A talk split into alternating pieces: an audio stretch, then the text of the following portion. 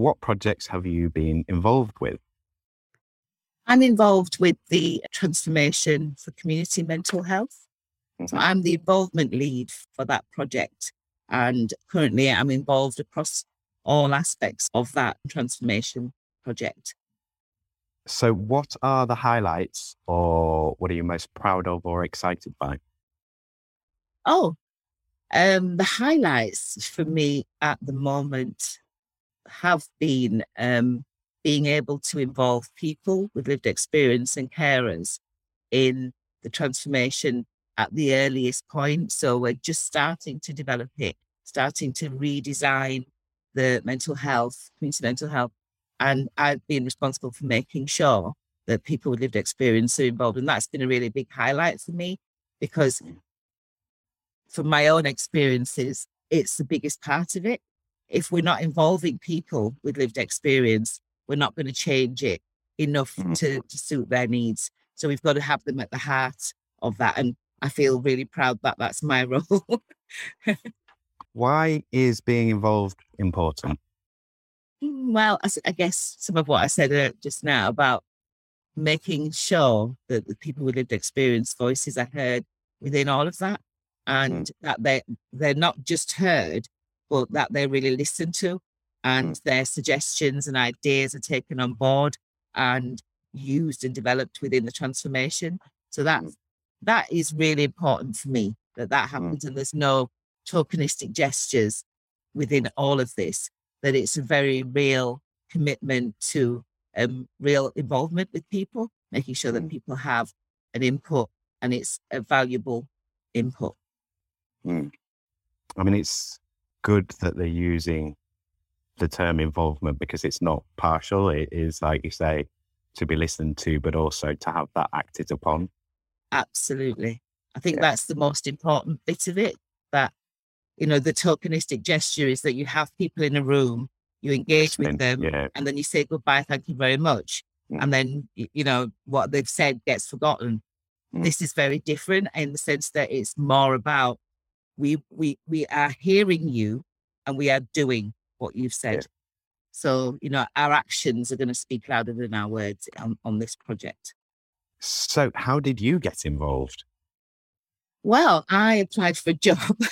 I was working for another organization as a project um, worker, working with communities, always around voice and influence, working particularly within culturally diverse communities around inequalities and so on, Mm.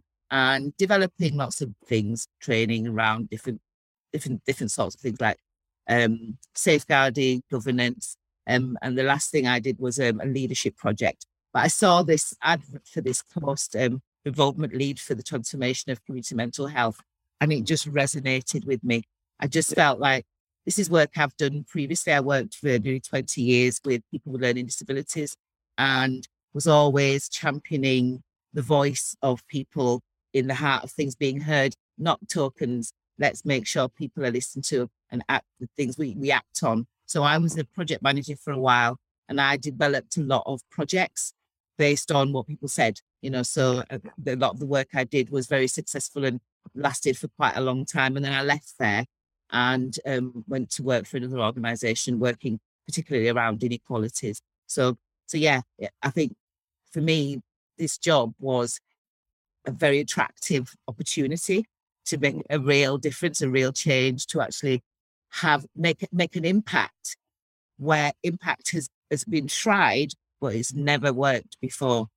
But I know that with this work and the way that it's been funded, the way that the team has come together, and how the team has been employed and what their roles are, that this is real and that the intention is to ensure that we change mental health services for good, but we change it with the input of people with lived experience and carers and people who run services and mm. also people who commission them, people who, you know, oversee them, everyone. So everyone's mm. involved in this whole process.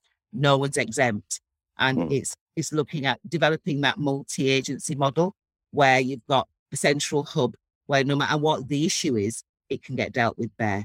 And I think mm. that we've never had as something as real as real as that before, as solid as that. And this is a great opportunity for us to really make a difference in mental health because it is a faith affects everyone. You know, it doesn't, there's no one exempt from, yeah. from mental health, no matter whether it's, you know, depression or severe mental illness. It could be anything and it can mm. happen to anyone at any given time. What are you going to be doing in the future? What would you like to see happening in the future?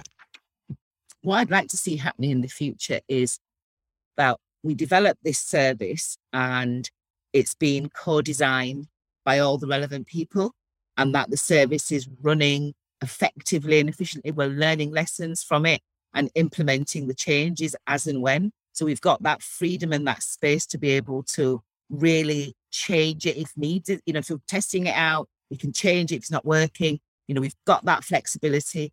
That to me is the ultimate because we'll get to where we need to get to because we've got if we've got the freedom to to you know get it wrong and then put it right and that's okay and we're doing that collectively with everyone so people with lived experience are part of that too then i think we're on the right you know we're on the right journey we're going to end up in the right place with this service it's going to be the best it could possibly be because mm. the good thing about it is even after the three years i'm going to be employed the, the project is going to go on forever after that. So it's going mm. to continue to, you know, develop and change and with a new model and kind of the new culture around it. It means it's going to grow with the, the communities. So as, you know, communities grow up and change and develop, the service is going to, to move with them so that services will always be appropriate because they'll always be using the voice of the people with lived experience and their carers and the people who develop the services. And as long as you've got that model, mm. then you know you've you've more or less covered all your options, and you, you're going to end up with the best service you possibly get. You know, may have some problems, but you know, I think those problems will always be resolvable if it's a yeah. collective approach. Why do you come to work? I enjoy working. I enjoy helping people. I enjoy knowing that um, the work that I'm doing is making a difference to people. It's uh, making a real difference to people. It's not just that I'm just coming to work and signing a book and then going home. My role, my job is making a, a difference to people's lives. It's making people feel whole. It's, it's you know, people are, are telling me these things. You know, I've only met mm. them, I've only been in post, you know, three months, but people are telling me, you know, thank you. Thank you for doing this job. Thank you for you know, listening to us. Thank you for making us important. That to me is why I come to work because the people that I'm doing the work for are the ones I want to hear from. And if they're mm. telling me they're happy with me, I'm doing a good job, then I'm going to continue to do that.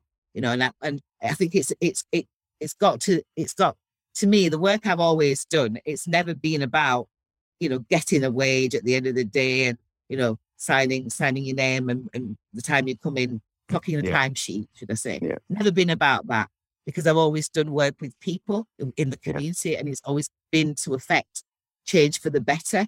So my whole, I feel like my whole working life, I've always been championing things to be better, you know, pushing the boundaries, you know, mm. approaching those hard to reach communities and saying, what do you need? What's going on?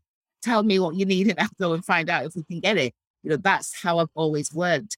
And so I feel that now, you know, this stage in my life, I'm in the right role because mm. that's what I'm doing. You know, I'm going to people saying, tell me, tell us what you need.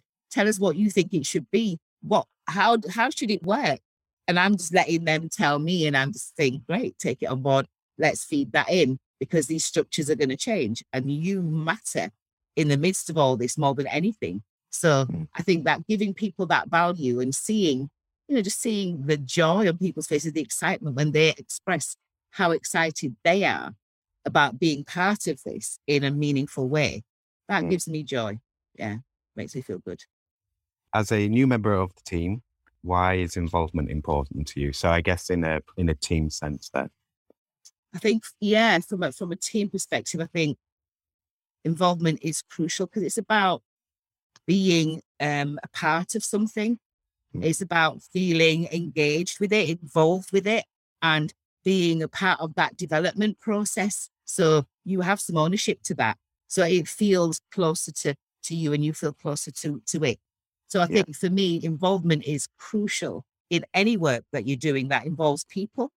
You know, you you've got to involve them. They've got to they've got to be a part of whatever it is you're doing. They've got Mm. to be part of the decisions that are made around how it all works because you're not doing it for you, you're doing it for them.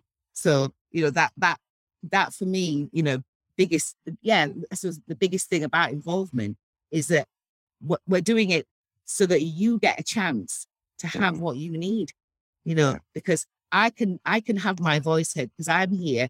I'm able to go to that top table and say, well, actually, that doesn't work. This is wrong. This is what Mm. people are saying. I can take that there. You know what I mean? Maybe you're not in a position to do that, but I'm I can be that conduit for you. Mm. So involvement, however it works on whatever level, is absolutely crucial to any community work, any any kind of voice and influence work. You have to involve people in it from the off and, and make it make it belong to them, whatever that Mm. is, whatever that work is, that Mm. concept, that project. It's got to belong to the people as much as it belongs to the organization. And and that for me is involvement. You're doing it with people rather than to people. Absolutely spot on. Absolutely spot on. Because I can't do it all. I don't know everything. You know, and I need to be I need to be in a position where because I don't know everything, I need to be a sponge, but I need to allow people to share. So I need to create those spaces where Mm. people feel safe, feel they can trust that you're going to, you know, do it on their behalf and to the best of your ability. You're going to take what they're saying and not compromise it, you know. And I think for me, I'm I'm a I'm a person that, you know, if I if I if I know this is what people are saying, and I'm going to the board to tell the board, I'm going to tell them what people are saying. I'm not going to compromise what they've said to the board. So, so that's, you know, for me, I hope people can trust that I will take on board what they're saying and share it as is, because I'm not going to change it just because it might offend or it might affect or it might upset somebody. You know, Mm. maybe we need to upset the apple cart in order to get new apples. Maybe that's Yeah. what we need